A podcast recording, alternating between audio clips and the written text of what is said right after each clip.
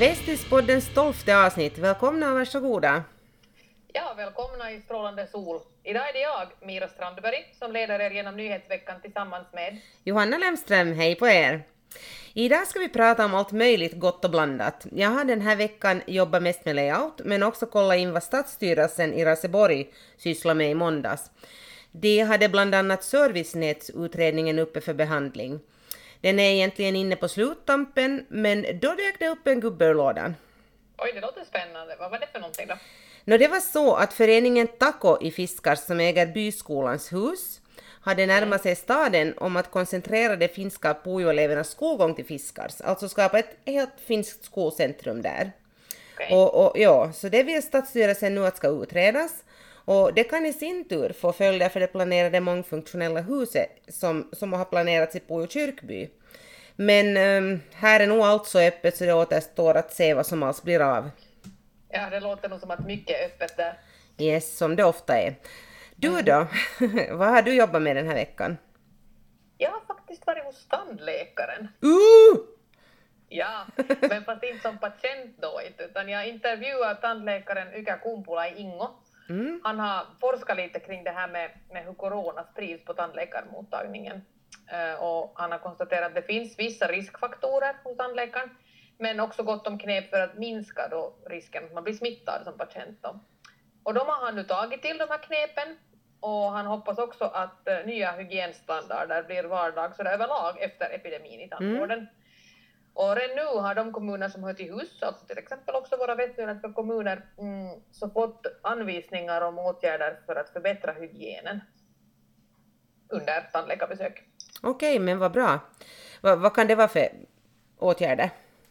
Nå, till exempel att man ska ha visir och mössa och ibland förkläde, det har man inte alltid haft hittills.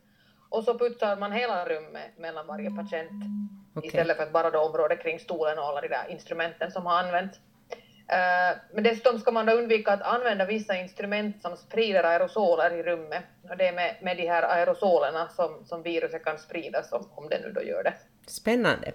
Eh, och en annan spännande grej som jag faktiskt också ramlade över då jag bearbetade Stadsstyrelsens beslut, så var att man beslutade att sälja Sannes skola i Karis till den som bjöd högst på fastigheten och det var den zenbuddhistiska föreningen Helsinki Zen Center som vann nätauktionen med sitt bud på 122 000 euro. Och, ja, och, och jag pratade med scenprästen och läraren Sangen Salo i onsdags och han och medlemmar i deras sällskap hade fallit helt pladask för Sannes skola. Och de hade varit dit på flera besök.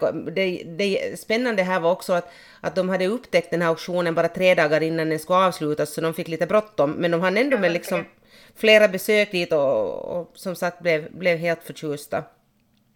Och om allt går väl så öppnar de en zen-retreatgård i Karis redan i sommar. Visserligen ganska småskaligt i en början eftersom man ska renovera samtidigt. Och, och sen är det här coronaläget också kan, kan inverka på det. Men eh, vi hade en, en kort notis om det i, dagens Vestis och i tisdag så kommer vi att ha en längre intervju med Sangen. Alltså jag måste säga att de låter ju som idealgrannar. Jag menar mediterande och lugna. Ja men absolut. människor. Ja, fredliga grannar är de bästa grannarna.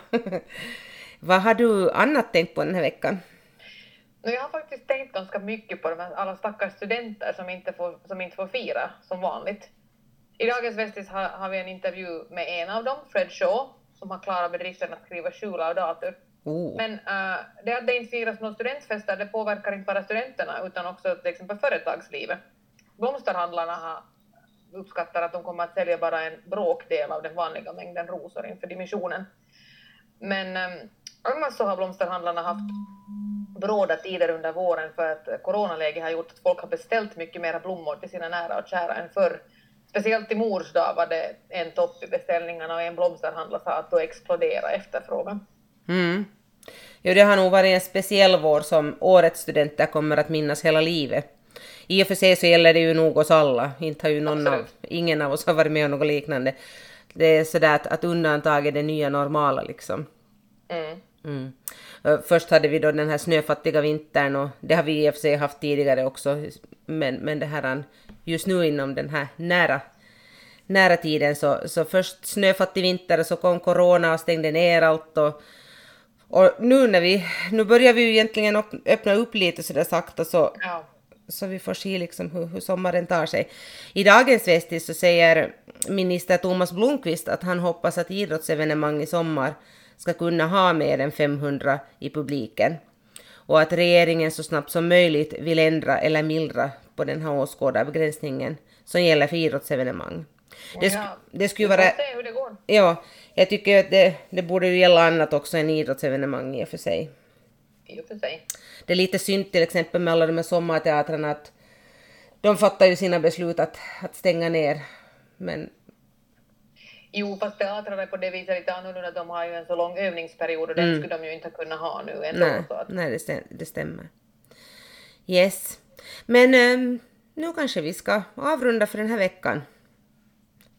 Ha ett ja. skönt veckoslut. Jo, och njut av solen. Absolut. Hej då!